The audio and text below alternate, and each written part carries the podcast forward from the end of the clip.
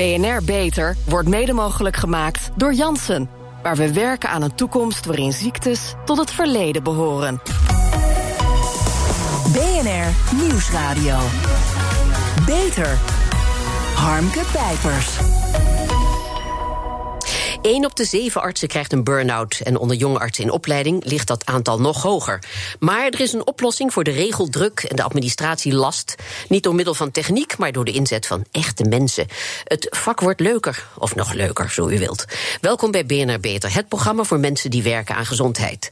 Mijn gasten Jacqueline de Graaf, internist en opleidingsdirecteur verbonden aan het Radboud UMC.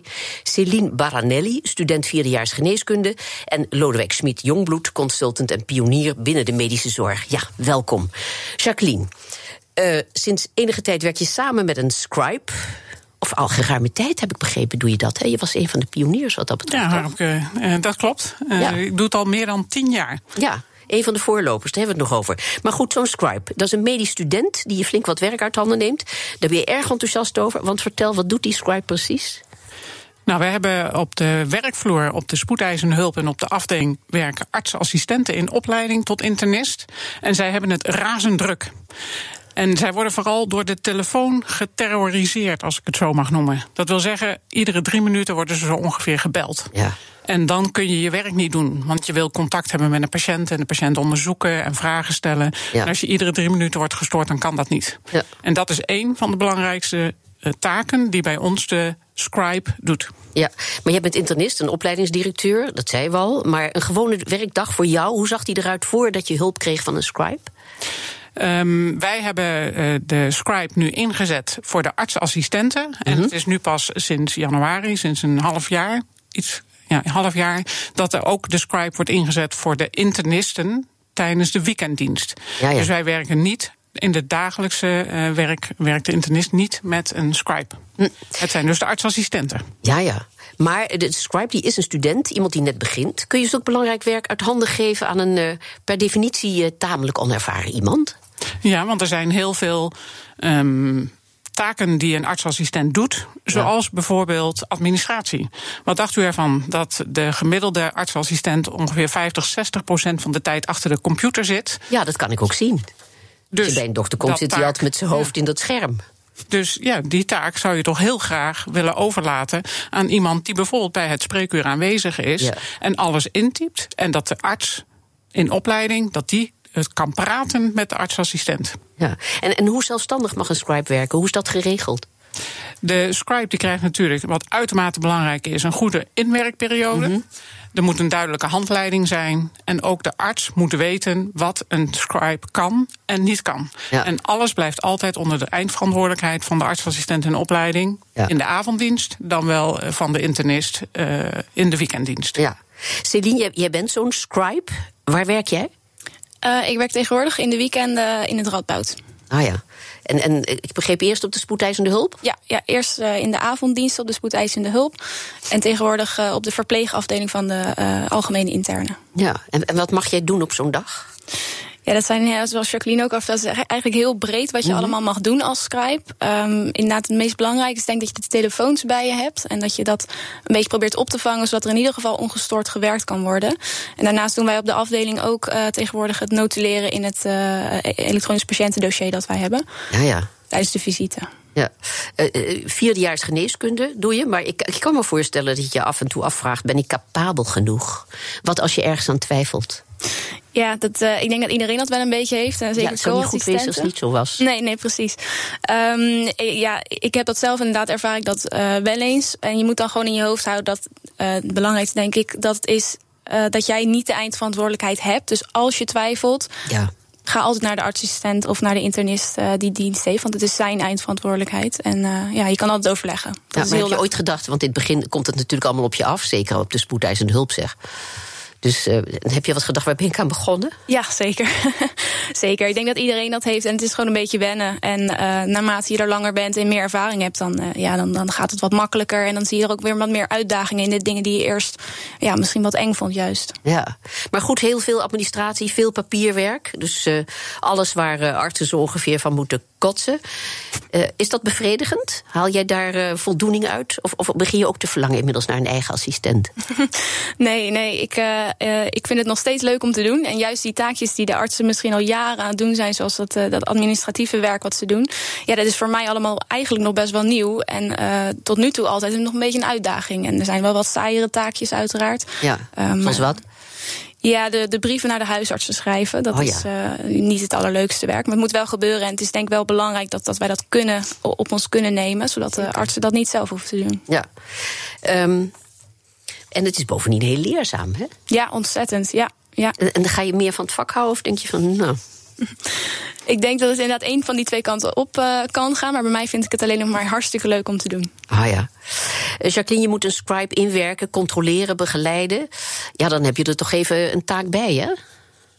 Um, uiteraard, je moet ook je verantwoordelijkheid hier nemen. Dus de handleiding die heb ik destijds, dus meer dan tien jaar geleden, geschreven. Uiteraard wordt die geüpdate wanneer bijvoorbeeld het elektronisch patiëntendossier wordt geïntroduceerd. Ja. Maar um, de scribes zelf zijn de uitstekende tutoren voor de eigen groep.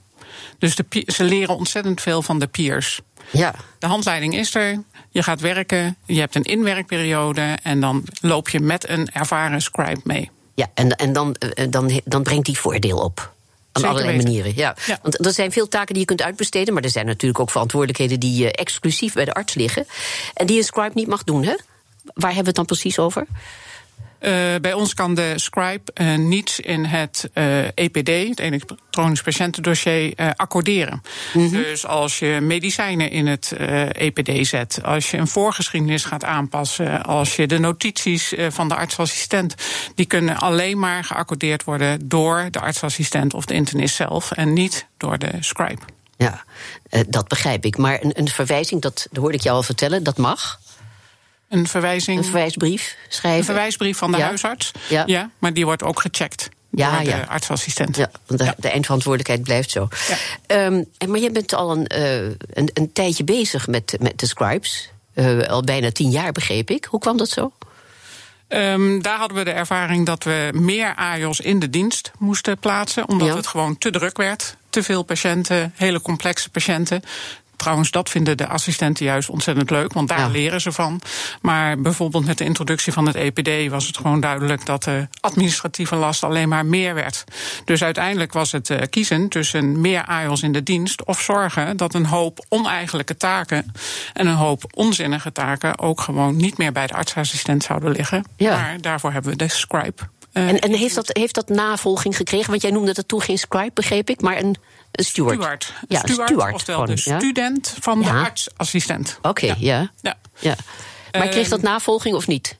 Uh, ja, zeker. Uh, ik weet dat in uh, het Canisius Wilhelmina ziekenhuis naast ons in Nijmegen. daar doen ze het nu ook. het AMC heeft het overgenomen.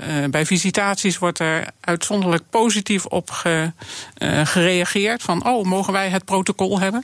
Dan kunnen wij het ook introduceren. Ja, ja. Ze zijn er heel enthousiast over. Maar het heeft zich niet wijd verbreid. Want ik heb me ook wel zitten afvragen van ja, als je nou hoort die verschrikkelijke cijfers van burn-out, vooral onder jonge artsen, waarom hebben we dit dan? Dat, dat EPD kwam en dat was een soort. Uh, dat moest de oplossing van alles zijn. Dus de, het, het, administratief personeel werd ontslagen, de secretaresses gingen weg en de artsen die zich afvroegen van hoe moet het dan verder? Ja, dat ga je lekker zelf doen. En dat zijn ze toen ook gaan doen. Dus zijn ze overspannen geworden. Wat een wonder. Ja, ik ben het helemaal met je eens. Ja. Ik denk dat het echt een uh, verkeerde gedachte is geweest. Dat we denken dat door de introductie van het EPD. dat er minder taken verricht moeten worden. Ja. Er worden juist veel meer administratieve taken verwacht. Ja. En die moeten nu allemaal door de dokter zelf gedaan worden. Ja. Hoe inefficiënt is dat? Ja, en daar heb je dus een scribe voor. Maar er zijn ook artsen die een, een secretaresse uh, zelf hebben ingehuurd... Hè, toen de, de secretaresse van dienst werd ontslagen. Oh, zeker. Ja. ja. daar zal iedereen zijn eigen oplossing voor hebben gezocht. Wij hebben in ieder geval in het Radboud UMC gekozen... binnen de interne geneeskunde om een scribe hiervoor in te zetten. Ja, en heb je ook tegenstand ontmoet? Uh, tegenstand zeker. Internisten zijn altijd uh, perfectionisten, hebben een hoge excellentiedrang en willen het liefst alles zelf doen, want dan weten ze zeker dat alles goed gebeurt. Ja, ja. Dus het leren delegeren, het leren samenwerken en vertrouwen is een belangrijk proces geweest. En het uh, bijzondere is misschien wel dat voor de internisten werken de scribes nu ook in het weekend, wat Celine al net al zei. En dat is eigenlijk nog een relatief korte periode, waren ze in het begin wat sceptisch over. En inmiddels willen zij ook geen weekenddienst meer doen zonder Scribe. Ja, maar goed, dat perfectionisme, dat hebben ze geweten, hè? Althans, velen onder hen, niet waar? Uh, zeker. Uh, dat vraagt een coaching. Harmke Pijpers. Ja, zo is dat. U luistert naar BNR Beter. In deze uitzending praten we over scribes, mediestudenten die taken van artsen overnemen. Jacqueline is internist, Céline werkt als scribe, beide in het Radboud ziekenhuis. Ja, het lijkt een en al voordelen te hebben: minder werkdruk, kortere wachtlijsten en meer tijd voor de patiënt. Maar zijn ziekenhuizen klaar voor zo'n cultuurverandering? Beginnen de studenten die hun neus overal insteken? Uh, bij ons is ook aangeschoven Lodewijk Smit-Jongbloed, die het concept naar Nederland heeft gebracht. En uh, dat neemt dus een grote vlucht, niet waar? Welkom. Um, jij maakte hier kennis mee, begreep ik, toen je in Amerika was. Wanneer was dat? Waar, waar hebben we het over? Nee, ik, ik heb een promotieonderzoek gedaan naar arbeidstevredenheid onder artsen. Mm En toen bleek dat administratie negatief van invloed was op arbeidstevredenheid. Ja. Toen heb ik me georiënteerd, hoe doen ze dat nou elders? En in de Verenigde Staten is die administratieve lastendruk nog veel hoger dan in Nederland. Ach. Ook vanwege de suing, het aanklagen enzovoort. Ja, dus ja, alles oh, moet worden vastgelegd. Ja. Een jaar of tien geleden hebben ze in de Verenigde Staten gezegd: nou ja, dit moeten we echt fundamenteel aanpakken. Dus je hebt het niet maar toevallig opgepikt, je hebt zelf het initiatief genomen. Dat klopt. Ik ben dus gaan, dat gaan oriënteren. En toen op een gegeven moment dacht ik: dit is een mooi iets. Waarom kan Nederland daar niet meer kennis maken? Ja, inmiddels is het daar heel gewoon. Vertel, hoeveel, hoeveel werken er in, uh, in Amerika? Nou, in 2010, toen ik het voor het eerst zag, waren er 10.000. Inmiddels zijn er tegen de 100.000. Dat betekent dat 1 op de 10 artsen gebruik maakt van een scribe. Ja, al tienduizenden scribes. Nee, dat is erg veel, hè? Maar ze werken ook al in uitzendbureaus, hè? Er, zijn meerdere uitzendbureaus. Het grootste uitzendbureau, Scribe America, heeft 25.000 uh, eh, scribes in dienst. Ja. En uh, delegeert hij ook naar, of doet, zet hij ook uit in Canada en Australië. Ja. Dus het rolt over de grens heen. Ja, nou heeft Jacqueline uh, heeft heel heilzaam werk gedaan, hebben wij begrepen. Is al tien jaar bezig. Heeft de, de steward hier in Nederland ingevoerd. Maar hoe kan het dan toch? Want al die artsen die overspannen zijn en die het ook allemaal in hun perfectionisme misschien ook allemaal alleen lopen te doen. Hoe kan het toch dat wij dat niet hebben nagevolgd? Hebben we niet in de gaten hebben gehad zelfs? Hebben we zitten slapen met al die overspannen artsen? Even één op de zeven en één op de vijf AJOS? Nou ja, onbekend maakt onbemind. Ik heb mhm. inderdaad, als ik ermee op de nou, proppen kwam... ja. dan bleek dat het toch vaak onbekend was. Mm. Uh, en in dat opzicht hebben Jacqueline en ik gezegd... laten we dan een congres gaan organiseren... zodat Nederland kennis kan maken ja. met deze toch wel fundamenteel andere invalshoek. Ja, dat wou je ook even hier uh, kwijt. Dat congres, dat is... Uh... Donderdag aanstaande. Ja. Uh, in Breukelen. www Laten Dokter Dokteren. Er zijn nog enkele plaatsen. Het loopt hartstikke goed. Er zijn meer okay. dan 100 belangstellenden. Ja, goed. Het klinkt allemaal positief. Een mooie oplossing. Daar wil ik ook niks aan afdoen. Maar er zullen zich hier en daar toch ook wel probleempjes hebben voor je gedaan. Vertel. Schroom niet, Lodewijk. Nou ja, er komt wel een functionaris bij. Ja. Ik heb uh, mensen horen zeggen: ja, luister eens, eh, dat is, maakt het wel weer ingewikkeld. Dat is ook wel zo. De nurse practitioner kwam, de physician assistant, het gaat allemaal wel snel. Ja. Aan de andere kant zeg ik dan altijd: ja, maar stress, wat dat allemaal niet aan uh, problemen en, en mogelijke vergissingen oplevert. En ik hoor van artsen die met zo'n scribe werken dat ze zeggen: Mijn dag is zoveel rustiger. De scribe is mijn wandelende to-do-lijst. En niet alleen dat, hij is rustiger, maar ik kan ook eerder naar huis.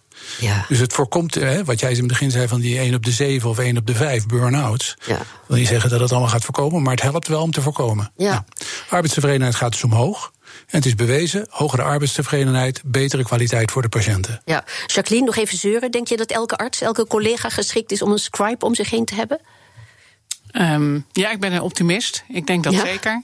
Alleen de mensen moeten er wel voor openstaan om uh, op een andere manier te gaan werken. Ja, en, en, ja. En daarvoor moet je gewoon een, een, eh, een heldere inwerkperiode met elkaar. En waarin je samenwerkt. Waarin je afstemming met elkaar zoekt.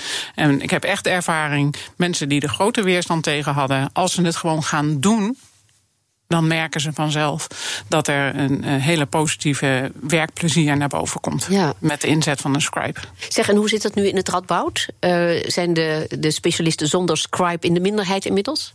Nou, wij hebben dus uh, zeven, een pool van zeven stewards voor de uh, spoedeisende hulp in de ja. avond alle avonden van het jaar, van vijf tot uh, half twaalf. En voor alle weekenden hebben we overdag een scribe. Ah ja. En ik zou het heel graag ook op de polykliniek introduceren voor de individuele internisten. En ik zou het nog liever op de afdelingen, de klinische afdeling interne geneeskunde, uh, zou ik een scribe in willen zetten. Ja. Heel graag. En, en, zitten de patiënten erop te wachten? Want het gaat toch vaak ook om uh, vrij intieme handelingen? Uh, bij ons zijn de taken van de scribe zodanig dat zij niet zelfstandig alleen. Nee, ik bedoel niet zelfstandig, maar er is wel iemand bij die je misschien niet zo goed kent. Um, ja, dat kan. Ja. Uh, maar daar heb je bij een goede uitleg heeft de patiënt daar helemaal geen last van. Mm -hmm. Ja. Uh, ze nemen geen actieve, uh, ze nemen niet actief bij ons deel in het gesprek. Ja. Dus dat is een groot verschil. Zeg, en, en Celine, hoe voorkom je dat je alleen de vervelende klusjes opknapt? Of zorg je er altijd voor dat je mee mag kijken naar de patiënt? Gunt iedere arts dat? Dat wil ik eigenlijk weten. Ja, ja, er zijn wel heel veel artsen die dat heel erg leuk vinden... om juist je mee te nemen en om meer dingen uit te leggen. En ik denk dat je als scribe ook wel een beetje um, ja, wel wat pit mag hebben... en juist datgene wat je wil doen, dat je daar ook gewoon voor staat... en dat je dat gewoon vraagt. En dan is er echt ontzettend veel mogelijk. Ja, en, en, en wat levert het jou op? Uh, medisch... Ik bedoel niet de centen, daar hebben we het nog over, maar uh, niet veel hoor. Uh, nou ja, medisch inhoudelijk uh, levert me ontzettend veel kennis op. Ik krijg ja. soms bijna privéles van de internisten. Want ja, dan zit je één op één met aan het samenwerken... en dan willen ze graag dingen vertellen ja. en uitleggen. En het levert superveel communicatieve vaardigheden. Levert me op. Het levert me tijd met patiënten om te kijken... hoe, hoe doet de internist dat nou precies. Daar leer ik heel veel van. Um, ja, op heel veel verschillende gebieden. En wat is het überhaupt? Wat, wat is het nou precies een arts? En hoe doet hij zijn taken? En dat zie je van heel dichtbij. Ja, en zo, wat is een patiënt? Maar dat wist je al. Dat wist ik al. Ja. Lodewijk, de scribes hebben begeleiding nodig, hè, moeten worden ingewerkt. Uh, maar blijven natuurlijk niet jaren op dezelfde plek. Dus die artsen die moeten ook wel steeds weer iemand inwerken. Want die periodes zijn misschien niet altijd. Even, hoe lang ben je van plan dit te doen trouwens, Celine? Uh, ik moet nog twee jaar kooschap lopen. En ik ben wel van plan om dit wel door zo lang vol te houden. Oh ja, is een beetje een blijvertje. Maar goed, uh, dat steeds inwerken, ja, dat kost natuurlijk. Dat is ook arbeidsintensief. Maar dat weegt ruimschoots op tegen het nut. Ja, ja? We hebben in uh, een uh, GGZ-instelling in Leiden vorig jaar een pilot gedaan met zes scribes. Uh -huh. Dat waren daar studenten psychologie. Um, de psychiaters schatten een week in werktijd nodig. Niet volledig, maar ja. enzovoort. En we vragen van de scribes daar dat ze een jaar blijven. Ook daar hebben we een mooi werkboek. En ook daar gaan de scribes die weggaan, de nieuwe scribes inwerken. Ah ja. En worden ze bovendien nog door de instelling uh, twee dagen getraind in gebruik van het EPD. Dat elektronisch patiëntendossier. Want dat is voor veel artsen, met name oudere artsen of artsen die niet goed kunnen typen, een van de allergrootste ellendes. Ja. En die scribes, die ja. kunnen, ik heb dat gezien, die kunnen ongelooflijk snel typen. En de inwerk, dat, dat vond ik ook prachtig. Ze denken gewoon digitaal. Ja, ja, ja. Dus dat gaat veel beter. Het is nog niet zo lang geleden dat het toch. Wat, hadden we? Van die groene kaartjes? Of, ja. Uh... En of de professor had alles in zijn hoofd voor de, voor de klasafdeling. Die oh, schreef überhaupt niks op. Ja, ja. ja. Maar uh, de groene kaart van de huisarts. Maar ja, toen had je ook nog de situatie dat één huisarts een heel dorp deed in zijn eentje. En misschien is het ook allemaal complexer geworden. We kunnen veel meer, de patiënten ja. vragen veel meer. En we hebben veel meer ouderen met meer complexe ziekten. Ja. Zeg, is, is een scribe, de scribe in elke tak van sport in te zetten? Want een gebroken been zien is toch iets anders dan iemand met zware psychiatrische problemen, bijvoorbeeld? Nou, wij waren heel benieuwd hoe dat zou gaan met die psychiatrie. Maar uh -huh. uh, we hebben in die vier maanden één patiënt gehad die zei van ik heb liever nu dat de scribe even naar buiten gaat. Ah, ja. Het is wat Jacqueline ook zegt. Als je dat goed introduceert en uitlegt, dan ziet de patiënt eigenlijk ook wel het voordeel. Want die heeft dus de volle aandacht van de arts, ja. die niet steeds achter dat toetsenbord kruipt. Ja, precies. En die begrijpt ook wel dat er meer patiënten kunnen worden geholpen als er tijd vrijkomt. Ja. Zeg, een belangrijke vraag is in de zorg altijd: wat kost het? Wat kost het? Iets moois en dan gaan we zeuren wat kost het. Is hard te maken dat die uitgaven te verantwoorden zijn? Ja, er is een, een onderzoek geweest in het LUMC bij traumachirurgie. Mm -hmm. Dat constateerde dat alleen op die afdeling per jaar enkele tienduizenden euro's konden worden verdiend. En waarom is dat? Bijvoorbeeld die scribe die kost uh, 11 euro per uur, uh, verdient ja, dat. De instelling betaalt 25 euro. Ja. Maar als je een externe psychiater inhuurt, mm. hè, als instelling, want die GGZ kent gigantische tekorten, dan kost dat 170 euro per uur. Ja. Nou, daar kan je aardige scribe voor aanstellen. Ja. En, en ja, wat, wat levert de inzet van de, van de scribe op aan, qua tijdswinst? Nou ja, in de GGZ, we hebben dat bijgehouden in die instelling, was het gemiddeld anderhalf uur, dat zei ik. En de beste koppels. Per dag hebben we het over, niet per week, hè? Nee per dag. Ja. Dat uh, hoorde ik van jou ook. Ja, en uh, de beste koppels die wat hebben ingewerkt, die kwamen tot meer dan twee uur winst per dag.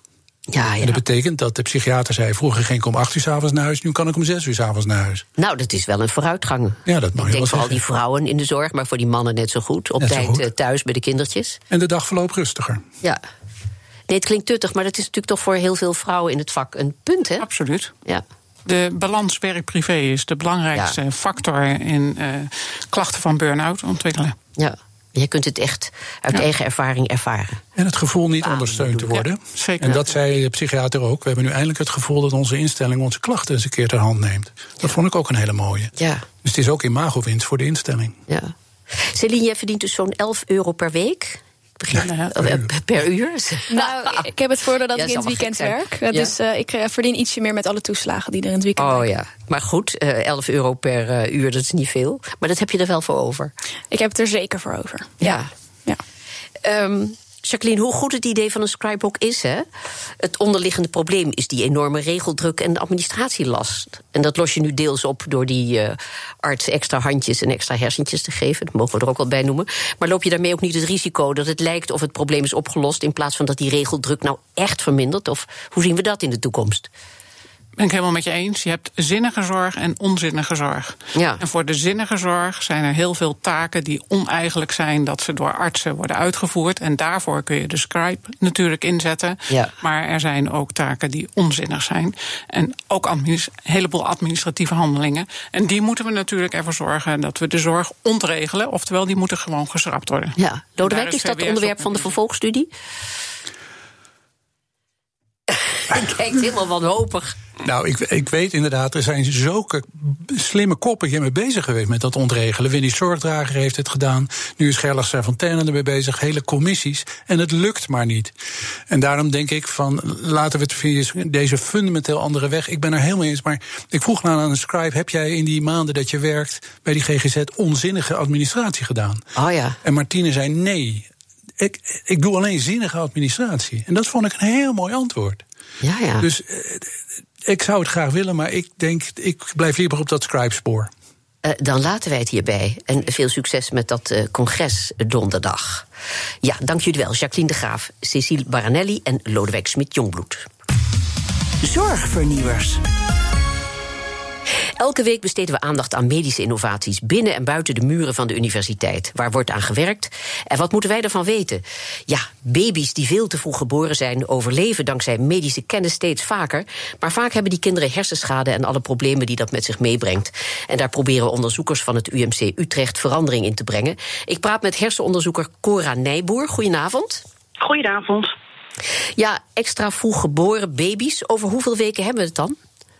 Ja, we hebben uh, een, een, soort klassificatie in, in vroeggeboorte. Eigenlijk noemen we alle kinderen die onder de 37 weken zwangerschap geboren worden al te vroeg geboren. Maar waar wij, ons op, wij, waar wij ons op richten in dit onderzoek zijn kinderen die extreem te vroeg geboren worden. En dan mhm. hebben we het over kinderen die onder de 28 weken van de zwangerschap geboren worden. Nou, normale zwangerschap is 40 weken, dus eigenlijk een heel, het hele derde trimester van de zwangerschap zit het kindje niet meer in de baarmoeder, maar ja, ligt in een couveuse op de intensive care. En, en ehm, welke problemen doen zich voor bij die kinderen? Nou, we zien eigenlijk de problemen in de onrijpheid. En dat is de mhm. onrijpheid van het hele kind. Dus heel veel organen zijn nog onrijp. Bijvoorbeeld de longen, daardoor hebben de kinderen beademing vaak nodig.